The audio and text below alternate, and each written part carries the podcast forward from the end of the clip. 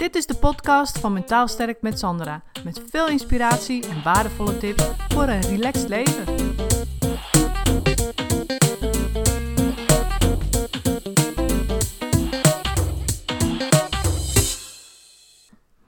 Er is iets wat elke dag terugkomt en ehm, ja, waar je eigenlijk niet omheen kan. En dat is koken. Nou, ik heb daar eigenlijk niet zo heel veel mee, koken. En ik zal je ook vertellen waarom. Want uh, vroeger thuis heb ik eigenlijk nooit gekookt. Ik ben nooit, kan me niet herinneren dat ik samen met mijn moeder kookte of dat ze dingen voordeed. Of het enige wat ik heb onthouden is, wat ze me ooit voor heeft gedaan, is een uh, boterham maken met tonijn uit zo'n blikje. En dan met uh, van die uitjes erop en mayonaise. Nou, dat vond ik echt heerlijk. Dus, dus dat, dat, dat heb ik heel goed onthouden. En, maar dat is het enige. Weet je, ik was daar niet mee bezig en mijn moeder ook niet mee bezig om, ja, uh, om, mij dat te leren. Of uh, waarschijnlijk vond ze koken zelf ook niet zo geweldig dat ze daar helemaal van overliep en dat ze daar mij in betrok. Of weet je, dus dat kan ik me ook allemaal niet zo goed herinneren. Maar ik weet in ieder geval dat ik niet kookte thuis vroeger. Dat ik daar ook niet. Um, ja, maar mee bezig hield. Zoals mijn zoon nu, die ja, natuurlijk met die coronatijd, die veel thuis. En die is helemaal aan het koken geslagen. Weet je, die is pannenkoeken gaan maken, die is van die churros gaan maken, van die, ik weet niet of je dat kent, van die Mexicaanse dingen. Het is best heel ingewikkeld om te maken. Hij is van die American pancakes is die gaan maken, van die dikke fluffy dingen. En die waren ook allemaal heel goed gelukt. En hij is, uh, nou wat heeft hij nog meer gedaan? Hij heeft taarten gebakken. En nou goed kun je zeggen, is niet echt koken. Maar oh ja, eieren, eieren bakken. Hij heeft ook alle versies van eieren geprobeerd. En uh, ondertussen kan ik hem gewoon vragen van, goh, maak jij even een eitje tussen de middag, weet je wel? Dus zelfs dat kan ik me niet herinneren dat ik dat deed, een eitje bakken of uh, iets in die geest. Weet je, iets wat simpel was waar je mee begint, zeg maar, als kind zijnde. Dus, ja, dus, dus, dus dat, dat is één. Dus eigenlijk, ik zat laatst te denken, wanneer ben ik nou begonnen met koken? Dat was toen uh, ik natuurlijk op kamers ging. Dus ik was uh, 19, denk ik, toen ik op kamers ging. Volgens mij, even denken, 18 of 19. En nou ja, daar, ik had toen een vriendje en wij woonden in hetzelfde uh, in, op dezelfde campus. Dus dat was echt een flatgebouw. En hij zat dan op de tweede en ik op de zestiende verdieping of zo. Dus we konden gewoon met de lift of de trap naar elkaar toe. En nou, toen, toen ben ik wel gaan koken. Want ik, ik herinner nog dat we dan samen kookten. En uh, dan maakten we dus lasagne of macaroni of spaghetti. Weet je, iets in die... Dat herinner ik me. Ik, ik kan me niet herinneren dat we stampotten maakten of Nee, altijd iets met pasta, lasagne en een beetje sla erbij, weet je wel zo. Of bami, weet je wel, van die bami. Iets met, met een stukje uh, gewoon van uh, gesneden vlees. En dan een wokgroente erbij. En dan een soort van koolhydraten erbij. Nou, en zo'n zakje mix, weet je wel dat. En um, dus dat is wat ik me herinner wat ik maakte. En ik herinner me ook dat ik heel vaak naar de Aldi ging. En dan had je van die lasagne in, in de diepvries, weet je wel. En die was eigenlijk hartstikke lekker. En dan nam ik dan een zakje sla bij en dan was ik ook klaar. Maar dat was dan als ik alleen kookte. Dus dat kan ik me herinneren. En verder werkelijk niks gewoon van wat ik dan nog meer gemaakt zou moeten hebben. Echt ik, helemaal, is echt gewoon...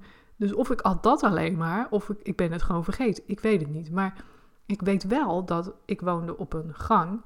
Uh, met, er waren 16 kamers op één gang. Dus het was een groot flatgebouw met 16 kamers op één gang. Dus je had 16 ja, ganggenoten, zeg maar. En we hadden natuurlijk een eetschema. Dus als je met z'n 16 woont, nou, dan kun je, kon je inschrijven. Voor iemand ging dan koken.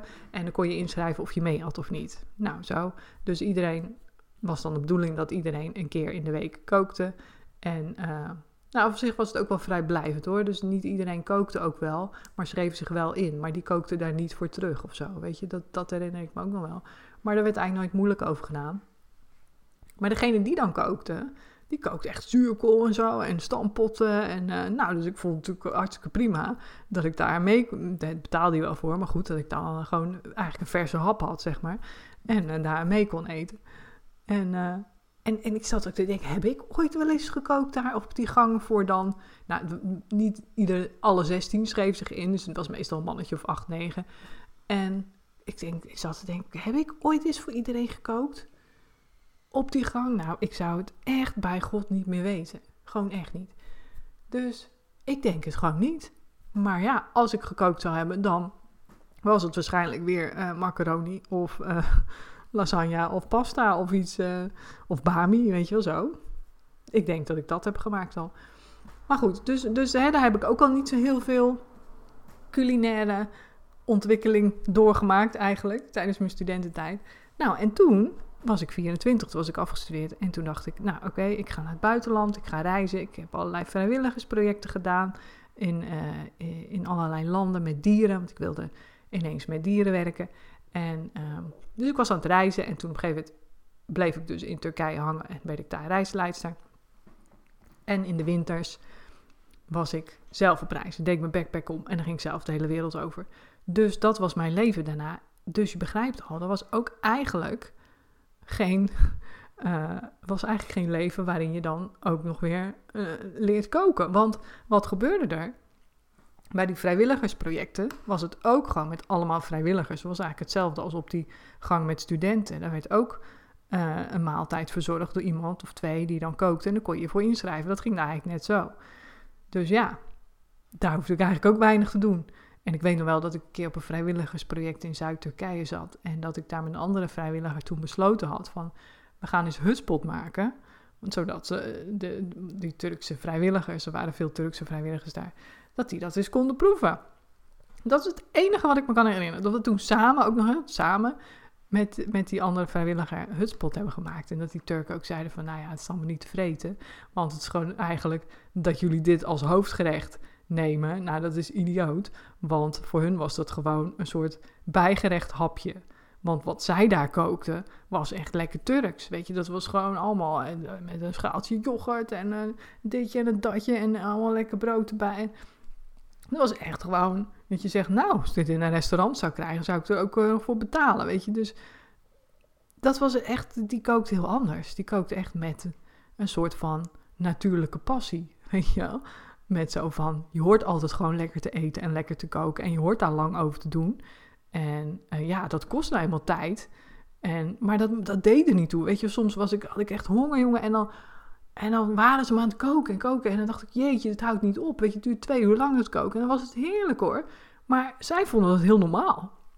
Dat het gewoon twee uur kostte. Dus, dus, nou ja, dus toen, in, toen heb ik... En toen ik als reisleidster ging werken, werd het helemaal te gek. Want daar had je natuurlijk ontzettend veel restaurants. En al die restaurantshouders die wilden met mij samenwerken, want die wilden natuurlijk klanten. En ik had uh, een paar bussen vol met klanten die ik natuurlijk ophaalde van het vliegveld. Dus ja, ze hoopten allemaal dat ik dan natuurlijk tegen mijn uh, toeristen, mijn klanten zouden zeggen van joh, uh, ga lekker daar en daar eten. Dus die restaurantshouders, die hielden mij allemaal warm natuurlijk. Dus die, die, die, die nodigde mij uit voor te eten. En op een gegeven moment had ik gewoon een paar plekken waar ik altijd gewoon gratis kon eten. Want daar kwamen dus ook mijn klanten. Dus nou, hoefde ik weer niet te koken. En dat was lekker gewoon. Echt lekker Turks eten, weet je. Het enige wat ik me herinner, wat ik daar dus gekookt heb. Voor als ik dan eens een vriend, ik had natuurlijk een appartementje en had ik ook wel een keukentje. Dus ik kon in principe gewoon elke dag zelf thuis koken. Maar ja, dat deed ik dus niet. Want ja, het was veel makkelijker om gewoon uit eten te gaan. En veel lekkerder ook, want Turks eten is natuurlijk echt ontzettend lekker. Op een gegeven moment uh, uh, ontdekte ik ook die locanta's. En dat zijn eigenlijk uh, ja, de lokale restaurantjes, zeg maar. Dus waar het kantoorpersoneel dan gaat eten. Dat zijn gewoon echt kantines. Dat zijn niet de restaurants waar de toeristen komen. En in die kantines heb je een soort van toon, toonbank, hoe noem je dat? Net als bij de slager, weet je wel, zo'n toonbank met allemaal uh, bakken hadden dan gemaakt met, met, van die, met allemaal lekkere Turkse gerechten die echt uren hadden staan stoven, weet je wel. En nou, en, en bakken rijst en bakken dit en bakken dat. En dan kon je gewoon aanwijzen, nou dat wil ik, dat schept dus op je bord. En dat was fantastisch eten en het kostte maar, maar 2 euro of zo. En ik vond het was belachelijk goedkoop. Dus ik zat er tussen de middag te eten, warm. En s'avonds had ik ook weer in restaurantjes warm. Weet je, en dat, wat in restaurantjes, dat was wel iets minder Turks. Dat was natuurlijk iets meer ook gericht op de toeristen. Maar goed, um, en als ik dan niet in die lokantas zat, ik had daar geen tijd voor bijvoorbeeld, dan, uh, dan reed ik langs zo'n uh, ja, zo'n kebabzaakje, weet je wel. En ik kreeg zo'n opgerold kebabje, heerlijk fantastisch gegrild, echt vers van de grill, weet je wel, met lekkere tomaten. Die tomaten Turkije is ook zo lekker. En uh, met uien en zo, dus dat was ook een fantastisch hapje om gewoon even zo tussendoor te halen. Dus ik hoefde daar echt totaal niet te koken. Het enige wat ik haalde bij de supermarkt was die Turkse yoghurt. Daar ontbeet ik dan mee, s ochtends. Oh ja, en wat ik vertelde, ik, ik, het enige wat ik me herinner dat ik gemaakt heb, is spinazie lasagne. Dus die spinazie lasagne, nou, die was echt heerlijk. Had ik gewoon van een receptje, want dat, dat kon ik natuurlijk niet zelf bedenken. En, die maakte ik als dus wat vrienden of zo kwamen eten. Dus dat was het enige wat ik maakte. En um, dat heb ik ook echt heel lang gemaakt, die spinazie lasagne. Want op een gegeven moment, toen, uh, toen ontmoette ik natuurlijk mijn huidige man. En uh, toen had ik dus al zes jaar, uh, bijna zeven jaar over de hele wereld gereisd in Turkije. Gewoon nooit gekookt, dus behalve dan die spinazie lasagne. Want ook als ik aan het reizen was over de hele wereld, had ik natuurlijk ook gewoon overal in restaurantjes of van streetfood langs de weg. Weet je, dan ging, zat ik ook niet in hostels of zo waar je kon koken met een keuken. Weet je, dat, dat, was, dat, dat deed ik ook allemaal niet. Dus ik moest ook weer elke dag, drie keer per dag, op zoek naar eten, soort van. Weet je wel, dat was ook op zich wel uh, ja, een beetje het doel elke dag. Van, oh ja, ik moet nog eten, weet je. Dus hoe gaan we dat doen? En uh, hoe ga ik dat doen? Wat ga ik hier voor ontbijt halen als je ook in een ander land was? Wat, wat, wat ga ik hier als ontbijt nemen? Wat ga ik hier als lunch nemen? En op een gegeven moment had je een beetje een standaard van die standaard dingetjes gevonden. En dan werd het wat makkelijker, weet je wel. Dan ja, dan kon je wat dingen herhalen en dan hoefde je niet meer zo te zoeken. Maar goed, hè, dat was echt ook wel alleen maar buiten de deur eten. En uh, nou, op een gegeven moment ontmoette ik natuurlijk mijn huidige man. En die, uh, nou, die was dus heel anders opgevoed met koken. Want zijn moeder, die kan gewoon hartstikke lekker koken. En die kookt gewoon uit haar hoofd, zeg maar. Weet je wel? Dus ken je dat? Van die mensen die uh, gewoon lekker kunnen koken. Zonder dat ze daar een receptje voor nodig hebben.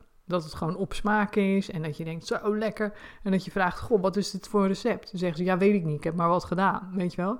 Van die mensen. Nou, zo. Dus hij had dat heel erg meegekregen, dus hij kon dat ook. En uh, toen kwam ik natuurlijk aan en ik begon met mijn spinazie lasagne. Maar ja, verder kwam ik niet. Die kende ik ondertussen uit mijn hoofd, dat recept. Dat was ook zo grappig. En uh, toen dacht ik, ja, shit, weet je. Ik zal toch uh, mezelf een beetje moeten bijspijkeren daarin. En ik heb ook wel veel geleerd van hem, van hoe hij dan dingen deed. Maar ja, hij kon ook niet elke dag koken, want hij zat toen nog in avonddiensten en zo. En dus ja, toen ben ik maar heel simpelweg met receptjes gaan koken. En uh, ik heb ook alle boeken van Jamie Oliver. Ik wil niet zeggen dat ik ze allemaal heb uh, uitgekookt, maar ik heb daar best wel heel veel van geleerd. Weet je, en ik keek ook zijn series en zo. Dus op die manier heb ik me dan een beetje zelf daarin ontwikkeld. Vooral omdat ik het ook ja, echt wel nou ja, gewoon stom vond. Dat eh, kijk, mijn man kon heel goed koken en ik niet, weet je. Dus ik dacht, ja, dat kan ook niet. Dus het is ook niet handig, weet je. Dus, uh, dus uh, ik ben mezelf daar echt in gaan ontwikkelen. Aan de hand van Jamie Oliver dus. En, uh, dus ja, die boeken heb ik nog steeds. En ik heb daar best inderdaad heel veel uit gekookt. En op een gegeven moment ehm, kwam daar weer een beetje de klad in, weet je. Toen was het een enthousiasme, lol was er een beetje vanaf. En ehm, ja, mijn man die eh, houdt ook van, lekker, die kan goed koken, lekker koken, maar die houdt ook van lekker eten.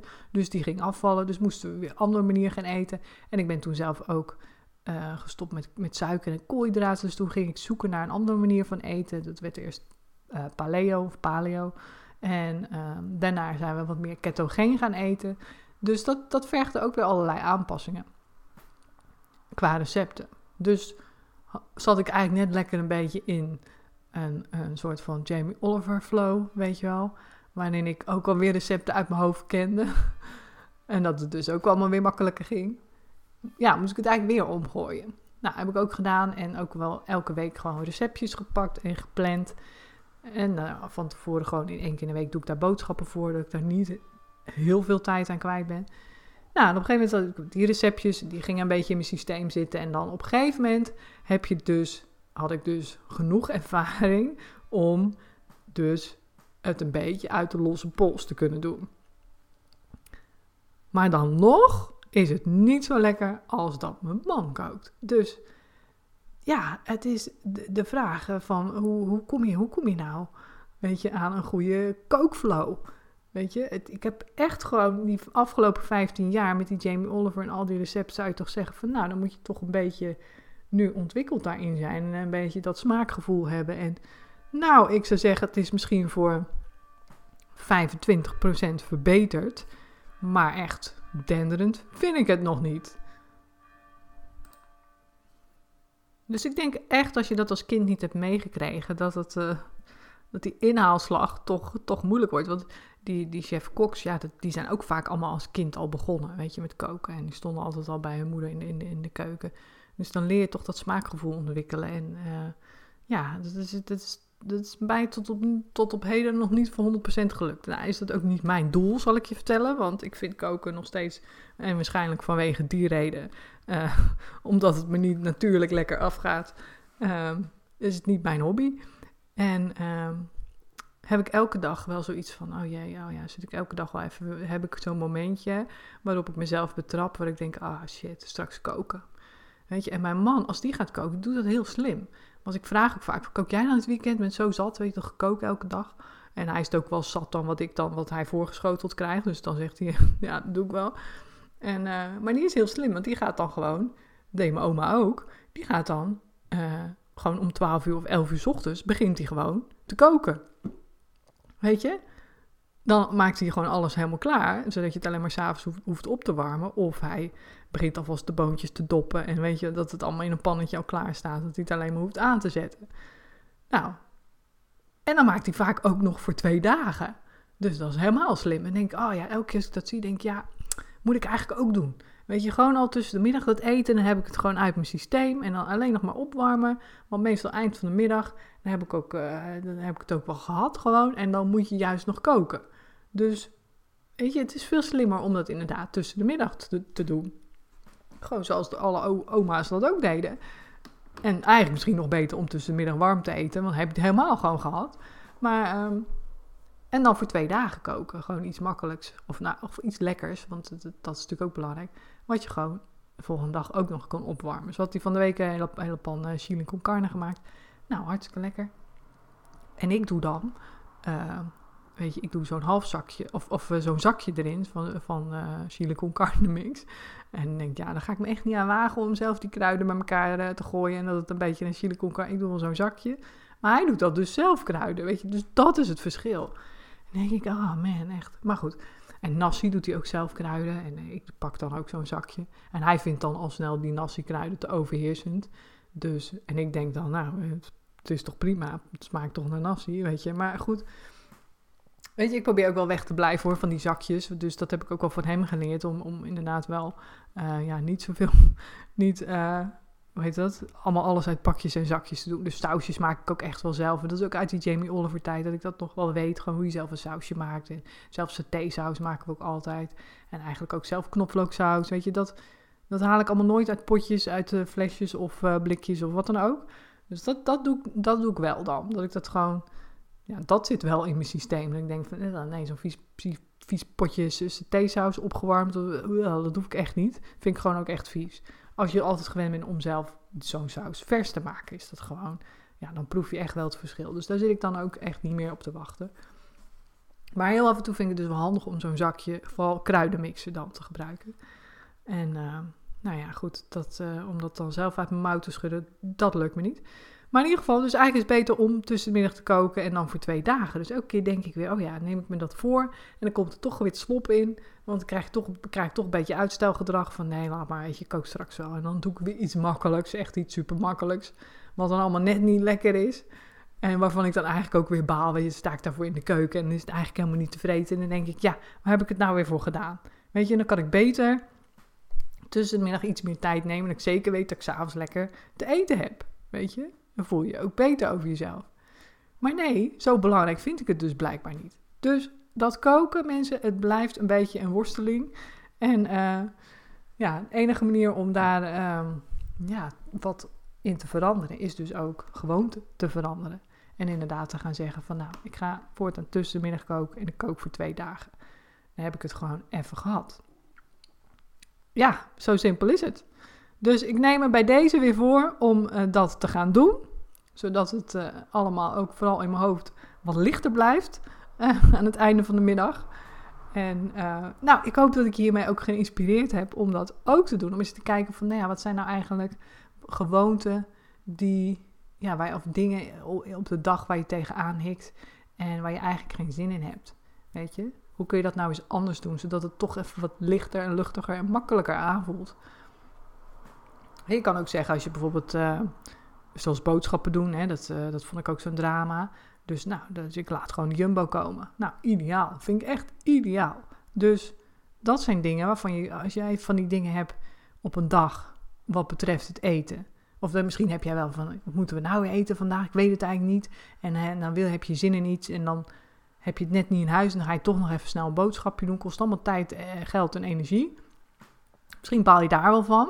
Nou, dan is het een idee om te zeggen, ik maak een minuutje voor de hele week. Dat doe ik nu nog steeds. Ik doe hem vooral in mijn hoofd, want ik heb nu zoveel ja, ideeën over wat je kan eten. En, en, en ook een beetje de seizoenen erbij. Weet je, want Jamie Oliver leerde natuurlijk ook vanuit die seizoenen koken.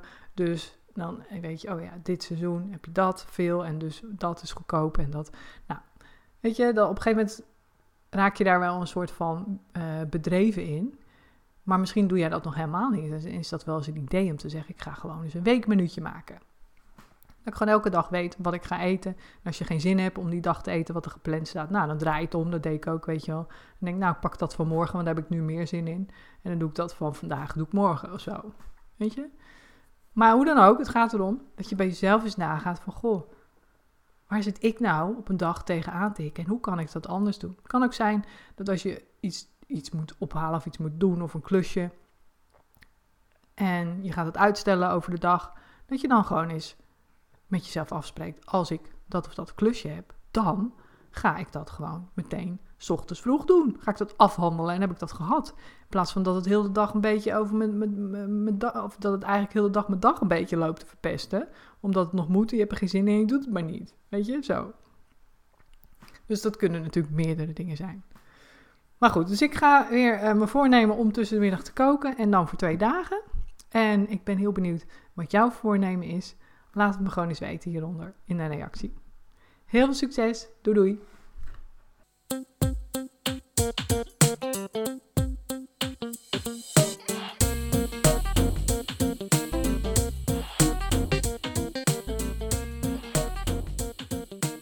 Bedankt voor het luisteren. Wil je meer weten over mijn online videotraining of wil je graag mijn 1 op 1 hulp via Skype of in mijn praktijk? Mail me dan op contact@mentaalsterkmetsandra.nl.